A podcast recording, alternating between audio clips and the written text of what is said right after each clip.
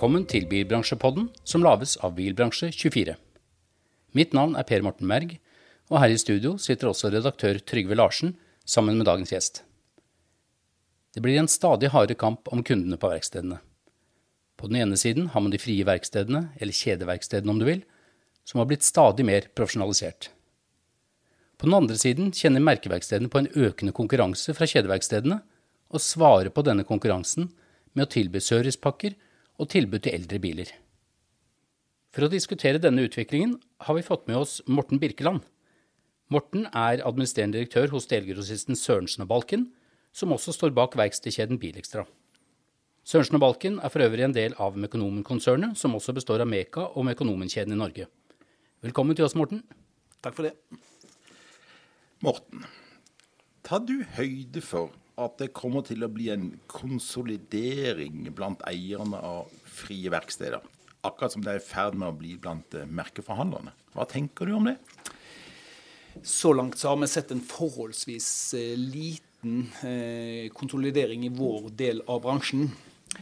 Men det er nå en tendens til at vi som kjeder har starta med å kjøpe noen verksteder. Og så kan man jo lure på eh, hvorfor er det sånn? Hvorfor har ikke konsolideringen starta opp for fullt hos oss? Eh, jeg tror det er mange årsaker til det, men eh, fellestrekk for mange av de som driver verksted i dag, er at eh, eh de eh, har forholdsvis lite kapital.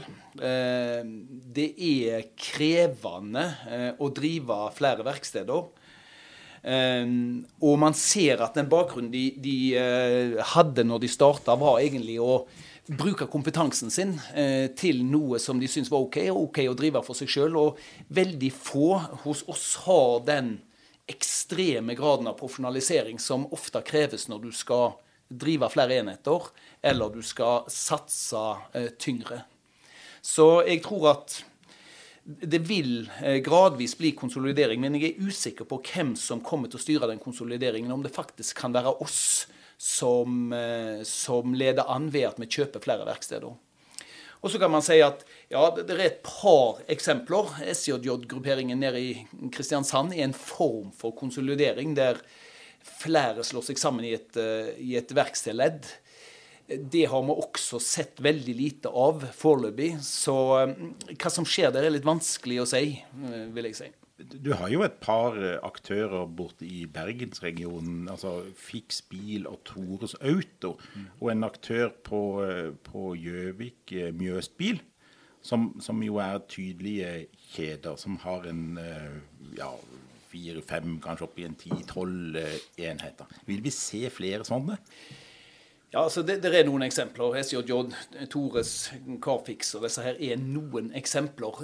Jeg tror eh, det kan komme, men jeg er veldig som sagt usikker på hvem som leder an. Nå ser vi at Meka eier noen verksteder. Mekonomen eier noen verksteder.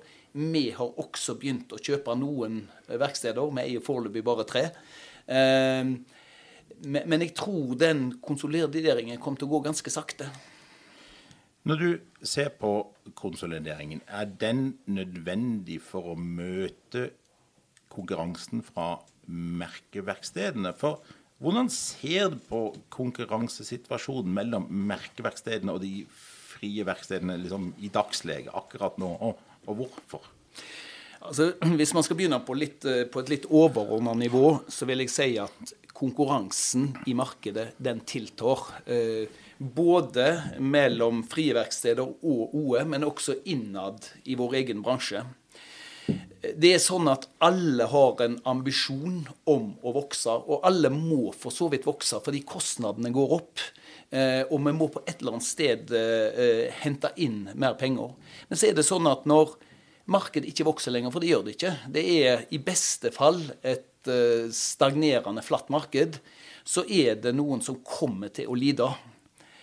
Um, og det, det, det, er mange grunner til at uh, markedet ikke vokser. Uh, det er selvfølgelig, som veldig mange har snakket om, ny bilteknologi med elbiler og det som hører til. Eh, men hvis man også ser over tid, så har vi måttet gå gjennom en del lidelse gjennom at det går lengre og lengre tid mellom serviceintervallene. Det er bedre og bedre kvalitet på, på deler. Det er mindre og mindre interesse for bil, særlig blant unge mennesker. Det er politiske årsaker som eh, vi ser i Oslo med Miljøpartiet De Grønne, som legger ganske klare beskrankninger for bilhold i byen. Alle disse tingene her er med på å begrense veksten i markedet. Og som sagt, eh, når alle har en ambisjon om å vokse, så eh, går det på bekostning av noe. Og veldig ofte så er det på bekostning av marginer. Man bruker pris som element til å vinne marked. Eh, og det er en ganske vond sirkel. Morten, når vi ser på de frie verkstedene, har de riktig oppsett? Altså Er de store nok? Har de kompetanse nok? Må de bli mer opptatt av å gjøre de riktige jobbene? Altså bli med nyverksteder, eller kan de fortsette mer eller mindre som i dag? Jeg tror at uh, våre verksteder i vår del av bransjen de må gjennom en omstilling. De må tilpasse seg de nye tidene som kommer, bl.a. med ny bilteknologi og helt andre krav til bilhold.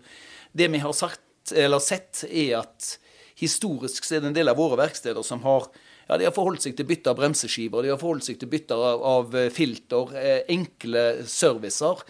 Og så har de unnlatt å ta i store, viktige, lønnsomme eh, reparasjoner som, som dieselutstyr eh, eller bytte av kløtsj, eller litt mer kompliserte jobber. Jeg tror at ja, eh, som du var innom, Trygve, det er en konkurranse mellom OE og ettermarkedet. Eh, OE gjør hva de kan for å vinne tilbake andeler. Gjør hva de kan for å lykkes bedre når å reparere eldre biler. Vi må svare gjennom å ta flere typer reparasjoner enn det vi har gjort tidligere. Eh, sånn at vi må eh, Det holder ikke for oss å være gode på service, vi må være gode på helhet. Og kanskje også jobbe litt mer i markedet mot eh, nyere bilpark? Ja, det er jo en selvsagt ting. Altså det, det, det mener jeg også at vi gjør. Eh, og så gjør jo OE det de kan for å låse inn kundene sine som, som best mulig. Men det er klart vi må, vi må jobbe både for å ta den nye teknologien som kommer, altså elbiler. Og vi må definitivt også reparere på nye, nyere biler enn det vi har gjort i dag. Og Mange av våre verksteder er i stand til dette. Vi har delene hos oss til nye biler som er fullt ut satt opp til å klare de jobbene. Men det kommer til å kreve litt mental omstilling hos verkstedene. Det kommer til å kreve at vi lykkes bedre på vår side i ettermarkedet med å overbevise kunden om at det ikke er noe risiko å komme til oss med en ny bil. Og da er spørsmålet, Disse frie verkstedene er ofte mindre verksteder. Uh, færre mann til å gjøre de kompliserte jobbene. Uh, men vi ser samtidig i dag at de, de, driver greit lønnsomt. Hvordan ser du på det fremover? Blir det like lett å drive lønnsomt som liten, eller må man opp i større enheter? Her kan jeg ha et litt annet syn enn uh, mange av mine kollegaer i bransjen. Altså, jeg tror uh, det, trenger ikke bli en ekstrem polarisering. Man hevder nå eh, fra veldig mange hold at man må bli større og større for å kunne klare å overleve. Det er også tror jeg en diskusjon mellom by og land. Jeg tror det blir enklere, eller det er lettere kanskje å overleve med et lite verksted på landsbygda eh, hvor du ikke har den type konkurranse fra alle og enhver. I motsetning til det å befinne deg i byen, hvor OE er veldig sterke, hvor det er mer og mer reguleringer på bilhold, eh, hvor det er vanskeligere og vanskeligere å få tak i lokaler til å drive verksted. Så, så jeg tror Ja, jeg tror hvis du er flink, så tror jeg at du vil overleve uansett. Jeg tror at selv om du er liten, så kan du klare deg godt fordi du bygger opp et godt renommé, et godt rykte. Du, du, har en kundekrets som kommer til deg fordi de vet at du kan det du holder på med. Du har en god service. Men samtidig så er jeg litt redd for at i dagens marked så må eh, verkstedeieren eller driveren han må bli mer kommersiell. Han må ut og selge tjenestene sine. Han må eh, ta vare på kundene sine på en annen måte. Han må gå i retning av å bli mer digital i kommunikasjonen også mot kundene. Han må drive aktivt mersalg. Så jeg tror det blir en utfordring for den gamle type verkstedeier til å omstille seg mentalt, til å møte framtida. Men det er også i forhold til de kravene kunden nå setter. Det er ikke bare nok å reparere bilen. Eh, man må yte noe mer enn det. Du snakket om omstilling. Og en viktig del av omstillingen gjelder jo ladbare biler, biler med ledning. Hvor langt er etter din mening de frie verkstedene kommet i å forberede seg på morgendagen? Som består av en større og større andel ladbare biler. Det være seg altså, uh, plug-in-hybrider eller rene elbiler. På plug-in så syns jeg vi er kommet uh, greit langt. Jeg setter jo min egen bil, som er en uh, ladbar hybrid, selvfølgelig inn på et bilekstraverksted. Og det fungerer helt utmerka. Så vi har teknologien, vi har delene, vi har kompetansen mange steder som skal til for å også reparere dette. Eh, vi er kommet et stykke også på elbil. Eh, Bilekstra har på samme måte som flere andre kjeder en elbilsertifisering. Eh, og veldig mange av våre verksteder er etter hvert veldig godt i stand og rusta til å ta imot elbiler. Det er også sånn at vi har deler på lager til flere og flere merker, og vi ser at tilgangen på delene bare øker og øker framover. Kanskje med unntak av Tesla, som er den vanskeligste. Vi ser at vi har kompetansen i forhold til Promeisterakademiet, og det kjøres elbilkurs, og det kjøres eh, Det legges veldig til grunn for kunnskap omkring dette her. Vi ser at vi har utstyret som skal til. Så ja, jeg vil si at vi er eh, godt rusta til å ta imot elbiler på veldig mange verksteder. Det som vi ikke har klart godt nok, er å overbevise kundene om at ettermarkedet er trygge verksted å etterlate elbilen sin hos. Man har noen sånn mental sperre foreløpig eh, i forhold til å gå til ettermarkedsverksted. Men det, det blir en jobb som um, bransjen vår, eller vår del av bransjen, må konsentrere seg om å ta. Så der har du rett og slett en kommunikasjonsutfordring? Ja, det har vi. Men du nevnte Tesla. Eh, hva er grunnen til at ikke uh, si, Sørensen og Valken, du skal først få lov å snakke for dem, har tilstrekkelig mye slitedeler til en Tesla? Er det ikke bare å sette i gang? Ja, det, Noen må jo produsere disse delene, jo, og det er jo det som er problemet. Eh, de, det er veldig få steder å få tak i de delene hvis det skal være av en kvalitet som vi kan stå inne for. Så vi er opptatt av å, å, å ha eh, riktig kvalitet, og der har ikke leverandørene kommet godt i gang. Så Tesla, det å skaffe deler til eh, Tesla, det er jo store volum på veinettet. Det står høyt på agendaen? Ja, det gjør det. I hvert fall innenfor elbilsatsingen. Og vi skal være best på elbil i Sørensen og Balken hva gjelder det å fremskaffe deler. Og vi hevder jo at vi er det i dag også. Hvis vi snakker om eh, aktører i dette frie eh, markedet, så har man jo nå fått inn en aktør som du nevnte det selv, Autoeksperten som man har signalisert at de ønsker å ta en betydelig andel av det norske markedet for kjedeverksteder, og antyder et mål på 100 verksteder i løpet av noen år. Er det realistisk? Finnes det så mange frie verksteder ute som ikke har kjedetilknytning? Eller er det de frie verkstedene som i dag er tilknyttet en kjede så lite lojal at dette lar seg lokke over til en ny aktør? Ja, jeg syns Autoeksperten Det må i hvert fall sies at de er modige. Eh, Men er de realistiske? Eh, jeg tror de skal se altså det, det, er veldig lett å tro at det norske markedet er eh, et fristende marked. Man ser på kanskje resultatene i Mekonomen, i Meka, hos Sørensen Balken, hos Romnes, og ser at fy fader, dette ser spennende ut. Eh, men de resultatene kommer definitivt ikke av seg sjøl. Men, jeg, ser at enkelte aktører på utsida av Norge kan bli frista av de eh, resultatene. Jeg tror autoeksperten har en lang, lang vei å gå eh, i forhold til å overbevise eksisterende verksteder i bransjen. Det er nå det ene, for de aller, aller fleste har kjedetilknytning. Og det er ikke så mange uavhengige verksteder å ta at det bare er å, å, møte opp og si at nå er vi på plass, velkommen til oss. Det kommer til å kreve mye kapital. Eh, det kommer til å kreve å sukre den eh, pastillen kraftig for at det skal være interessant nok. Eh, og de skal også bygge opp en struktur i forhold til deler, til leveranse, konsepter, eh, som for så vidt kan kopieres en god del fra Sverige, men det skal tilpasses til Norge. Så jeg tror de har en veldig lang vei å gå. Jeg må si jeg syns de er eh, modige. Og for veldig mange verksteder i dag så er det Konseptene er eh, gode hos samtlige. Eh, vi vil jo hevde at vi er best, og andre vil hevde at de er best. Og det å få verksteder til å bytte, det er ingen enkel sak. Det er krevende. Verkstedene er blitt mer lojale. De er blitt mer opptatt av at eh, å ha en leverandør, ha stabilitet, langsiktighet, eh, vite hva de har. Eh, og når du først har fått merket på veggen, så er det jo tross alt noen emosjonelle forhold knytta til det også, skru det ned igjen. Sånn at jeg tror, ja, jeg tror autoeksperten vil få det krevende. Og jeg var vel kanskje overraska over at det ble Aurelius til slutt som kjøpte den gang heller, og ikke, ikke KGK.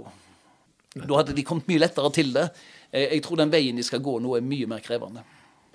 Når vi leser Mekonomen-konsernets eh, resultatrapporter, så ser vi jo tydelig at Sørensen og Balken befinner seg i en særklasse når det gjelder lønnsomhet. Uh, over tid mellom 13 og 16 driftsresultat. Det er ganske imponerende. Uh, og det er vel ingen andre, i hvert fall i konsernet der, som, som presterer tilsvarende.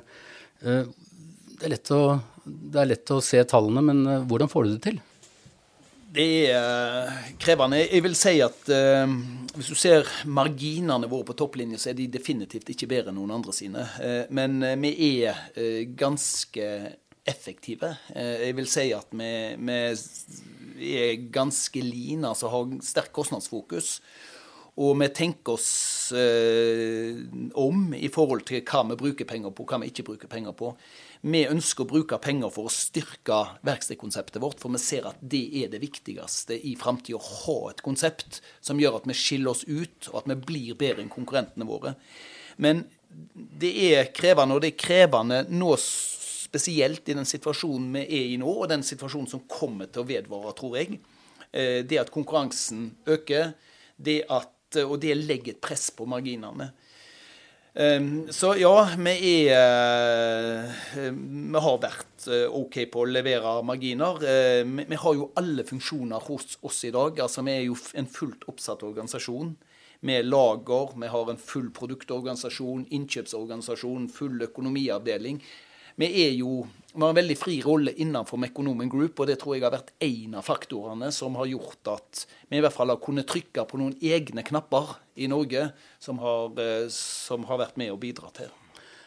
Følg opp det litt med, med kostnader. For er det én ting som koster, så er det jo logistikk. Og er det én ting som virkelig betyr noe i konkurransen i dag, så er det jo nettopp det. Mm. Uh, og dere er gode på logistikk, kanskje bedre enn importørene på, på flere områder? Ik ikke bare kanskje.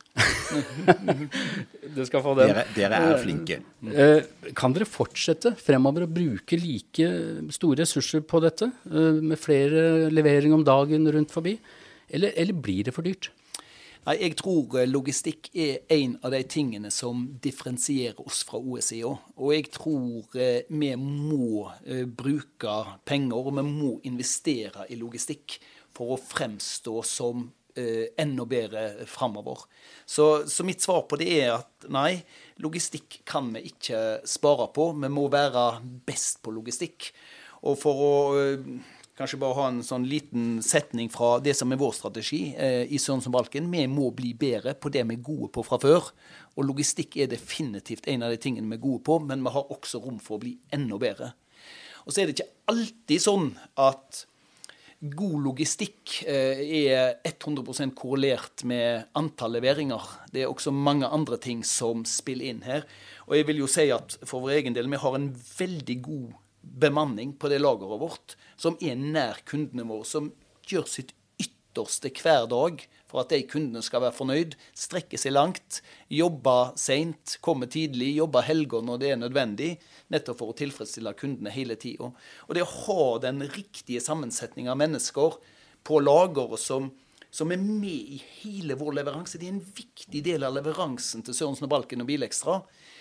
Har man kommet der, og man forstår faktisk at man spiller en rolle i den leveransen Man, man føler at man har en viktig posisjon i det å levere det produktet som Sørensen og Balken og Bilekstra skal være, så har man kommet et stykke. Og der føler jeg i hvert fall at vi er i dag. Vi har en veldig god eh, kultur og en bra gjeng på lageret vårt. Men, men Morten, når du har på deg grossistbrillene, så er det jo et faktum at det skjer endringer i markedet. Altså Bilimportørene, OE-siden som du kaller det, de er jo blitt mer og mer aggressive på å pristilpasse slitedeler til eldre biler. Hvordan påvirker det konkurransesituasjonen vis-à-vis en aktør som Sørensen og Balken? Ja, en av de tingene vi har i, uh, innenfor Mekonomen Group, er at vi har en gjeng på tre personer som i dag sitter og sjekker priser hele tida. Eh, sånn at jeg føler at vi tre selskapene med Økonomen, Meka og Bilekstra, vi er ganske riktige priser i markedet. De sjekker prisene våre opp mot OE, de sjekker opp mot andre konkurrenter i bransjen og ikke minst i forhold til hverandre. Sånn at vi er veldig på den situasjonen og må prise oss så riktig som mulig. Men eh, det er ingen tvil om, eh, Trygve, at vi ser at OE nå gjør hva de kan for å pristilpassa, og særlig mot gamle biler. Det er en økende differensiering i prisbildet. Mm. Um, og, og, og, det er klart at vi må være gode som jeg sier, på å ikke miste posisjon. Vi må følge dette her veldig nøye. Vi skal være rimeligere sett med mine øyne. Eh, kunden skal ha en opplevelse av at han får rimeligere priser hos oss, så da må vi svare. Eh, det andre er at vi må, som jeg var innom i sted, ta flere typer Eh, reparasjoner som ikke alle verkstedene tok i tidligere. Altså vi må utvide kaka vår. Eh, og det tredje er at vi må være enda bedre på nye biler. Og det fjerde er jo at vi gjennom ABL må jobbe mot fritt verkstedvalg. Jeg tror det er en av de mest kritiske tingene i forhold til det å forplante en mental tanke hos folk, altså.